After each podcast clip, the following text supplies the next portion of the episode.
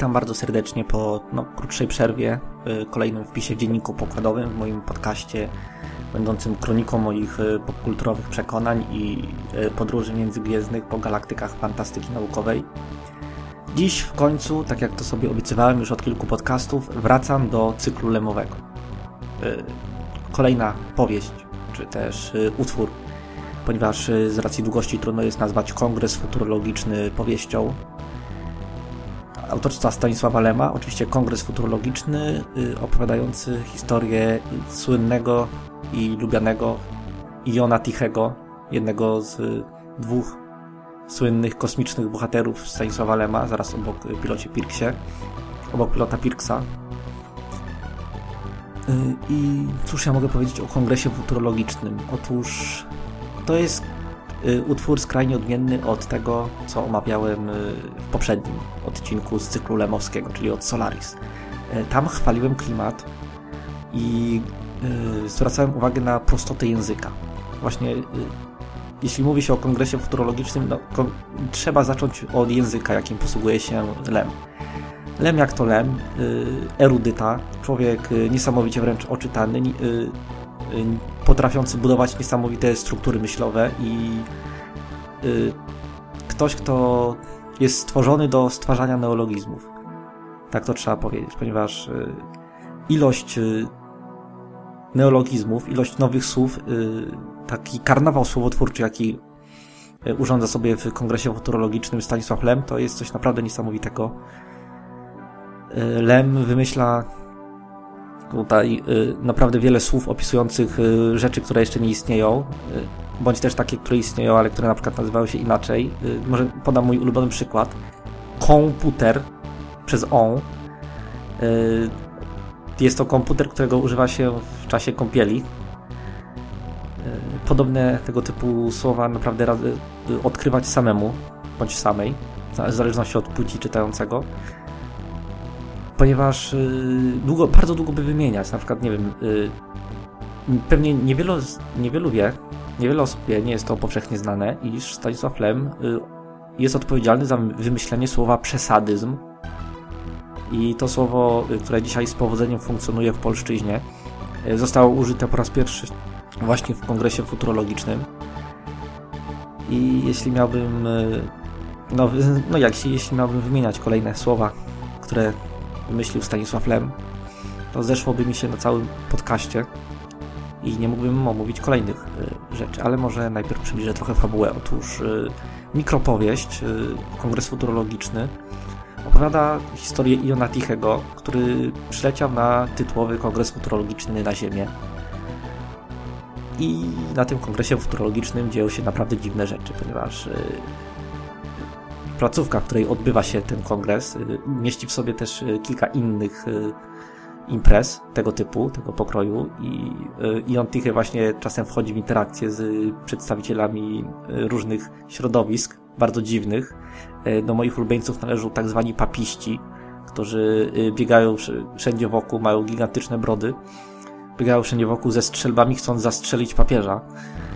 E, Stanisław Lem z takim dystansem i taką lekkością językową potrafi e, kreować różne e, niezwykłe indywidua, które później no, z właściwą sobie złośliwą inteligencją opisuje Ion Tichy, że no, dla samych tych gadżetów, dla samych tych ozdobników, nie będących sednem fabuły, czy też sednem problematyki, bo powiedzmy sobie otwarcie, ten kongres futurologiczny fabuły za bardzo nie ma jest to e, raczej poruszenie pewnej problematyki, ale do tego jeszcze dojdę. Na razie może skupmy się na tych e, ozdobnikach. Otóż Lem krył...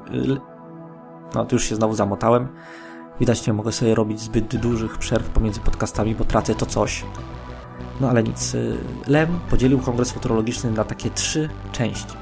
Pierwsza część rozgrywa się w bliżej niesprecyzowanej przyszłości, przyszłości dla Lema, czyli można powiedzieć początek XXI wieku.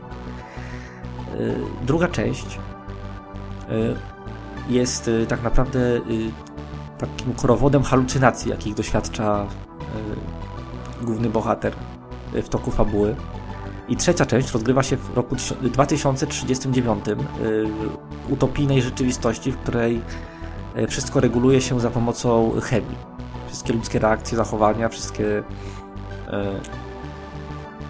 no, ludzie mogą kupować tabletki, na przykład jeśli są smutni, to kupują sobie jakąś tabletkę radości, jakieś LSD takie i, i społeczeństwo z powodzeniem funkcjonuje właśnie dzięki y, faszerowaniu się chemią. Y, no i cóż, może najpierw y, omówimy to po kolei. Y, pierwsza część właśnie rozgrywa się y, no, podczas kongresu futurologicznego. Y, właśnie w owym kongresie Ion Tichy do, dostaje się do tego hotelu, w którym jest owy kongres się odbywa. Tam wchodzi w interakcję z tymi różnymi, przeróżnymi dziwacznymi indywiduami. I tu właśnie powiem wam, że Stanisław Lem z właściwym sobie, no, z właściwym sobie geniuszem niesamowicie trafnie prze, przewidział, jak będzie wyglądał świat na przełomie wieku, na przełomie tysiącleci. Naprawdę, gdyby ta powieść powstała dzisiaj, to y, ta, ten pierwszy segment Kongresu Futurologicznego spokojnie mógłby y, być bardzo świeżą i bardzo aktualną, no i bardzo złośliwą satyrą na współczesną y, kulturę, na, współczesne, na współczesną obyczajowość. Mamy tam i jakichś hedonistów z Playboya, mamy tam jakichś no, papistów, już mówiłem. W ogóle szaleństwo cały ten kongres futurologiczny i cała ta placówka, gdzie odbywa się ten kongres, jest taką, można powiedzieć, e, współczesną popkulturą, czy kulturą w pigułce. E, no, nomen omen w pigułce, bo później pigułki są zażywane przez między innymi Jona Tichego, ale do rzeczy. No i cały ten segment jest opisany takim no, typowo dla y, dzienników gwiazdowych, czyli dla serii y, opowiadań i mikropowieści, w których y, występuje Ion Tichy. Y, takim typowym językiem, y, trochę złośliwym, trochę takim prześmiesznym, y, bardzo inteligentnym. Lem bawi się taką konwencją science fiction. Trochę też dostaje się futuro, futurologom, którzy no, starają się mniej lub bardziej trafnie przewidywać przyszłość, jak to będzie w przyszłości, a jak wiemy, no tego się nie da przewidzieć. Już nie jeden próbował, no i nikomu się, jeśli już komuś się udało mniej więcej trafnie przewidzieć, no to przez, przez przypadek, ponieważ no trzeba to powiedzieć, że jeśli się tyle przewiduje, jeśli mamy już tyle różnych wizji przyszłości, to któraś w jakimś tam stopniu musi y, być mniej więcej zbieżna z rzeczywistością, więc jeśli nawet już komuś udało się przewidzieć, y, jak to będzie w przyszłości, to raczej przez przypadek niż y, za pomocą jakichś funkcji analitycznych czy talentów do futurologii. No i dostaje się, no dostaje się wszystkim właściwie w tej y, powieści. Y, mniej lub bardziej, y, w większym lub mniejszym stopniu. Pierwsza część kończy się właśnie zamieszkami, które wybuchły na ulicach i próba, próbą, próbą stłumienia tych zamieszek. Zostaje rozpylony gaz, który zmusza wszystkich do tego, żeby byli szczęśliwi. E, co właśnie przez co przeradza się ta powieść w taki korowód halucynacji, ponieważ Ion Tichy zaczyna mieć różne halucynacje pod wpływem tych chemikaliów, jaki, no, jakie przyjął. E, I ta druga część e, jest naprawdę czymś dziwnym. To znaczy, no ja, ja rozumiem, że Lem z pewnością miał jakiś zamysł, nawet wiem jaki, ponieważ starał się tu pokazać, jak to kolejne halucynacje przechodzą jedna w drugą i, i on tych już nawet machnął ręką na tę rzeczywistość, wolałby tylko z takim, no z, tak, z taką swoją typową sarkastyczną złośliwością stara się przewidzieć, co będzie dalej, albo no, chciałby się cofnąć do poprzednich halucynacji, już nawet nie wydostać się z tej, e, no, z tej pralni mózgów. No i w koniec końców e, udaje mu się, czy też e, jak to mówi, jak to jest w toku powieści, nie do końca mu się udaje, ponieważ trafia do przyszłości, której, jak już mówiłem, społeczeństwo żyje w antyutopijnym, czy też w utopijnym, zależy jak patrzeć, y, społeczeństwie, które, y, no, którego cała mm, którego całe bytowanie opiera się właśnie na chemii, na stymulacji chemicznej y, ludzi. I koniec końców jest to trzecia część, trzeci segment tej mikropowieści i on ma najbardziej taką rozbudowaną fabularną strukturę, o ile poprzednie poprzedniej struktura była ciągła. Tutaj mamy podział na rozdziały. Tak naprawdę patrzymy y, przez pryzmat pamiętnika Tichego. Y, no i on Tichy zaczyna się poruszać po tym świecie, później y, dostrzega, że coś, coś z nim jest jednak nie tak. Okazuje się, że ta stymulacja chemiczna y, ma tak naprawdę zamaskować fakt, iż no przybliżam tu fabułę i spoileruję bardzo mocno, ale myślę, że kongres futurologiczny jest taką powieścią, która jest raczej przypowieścią. To znaczy, że y, czytają się z przyjemnością. Y, znaczy, ważny jest puenta. Ważna jest puenta i bez puenty nie można y, właściwie opowiadać o tej książce. No i z drugiej przecież strony jest to tego typu książka, którą można czytać nawet nie znając, nawet znając szczegóły zakończenia fabuły. A zatem i on tylko dowiaduje się, iż cała ta pigułkowa maskarada ma tak naprawdę zamydlić ludziom oczy, że żyją w w społeczeństwie, które y, w rzeczywistości kieruje się krańcową, charakteryzuje się krańcową biedą, właściwie już na granicy katastrofy, klęski, czy tam Armagedonu. I to jest właśnie ten plot twist fabularny. No cóż mogę powiedzieć jeszcze dalej o Kongresie Futurologicznym. O ile no, Solaris był pisany takim językiem suchym, konkretnym, bardzo takim precyzyjnym, o tyle tutaj no, jest taki karnawał słów, neologizmów, yy, niesamowitych jakichś związków etymologicznych. Yy, no, Lem daje tutaj popis takiego satyryka, prześmiewcy. Yy, pokazuje nam społeczeństwo, które yy, jest tak zaślepione, że nie dostrzega tego, co się dzieje wokół niego, ponieważ no, woli żyć w takim Matrixie. No oczywiście powieść powstała przed Matrixem, więc zarzut o jakiś tam plagiat można wysunąć raczej w stronę rodzeństwa Wachowskich niż Stanisława Lema.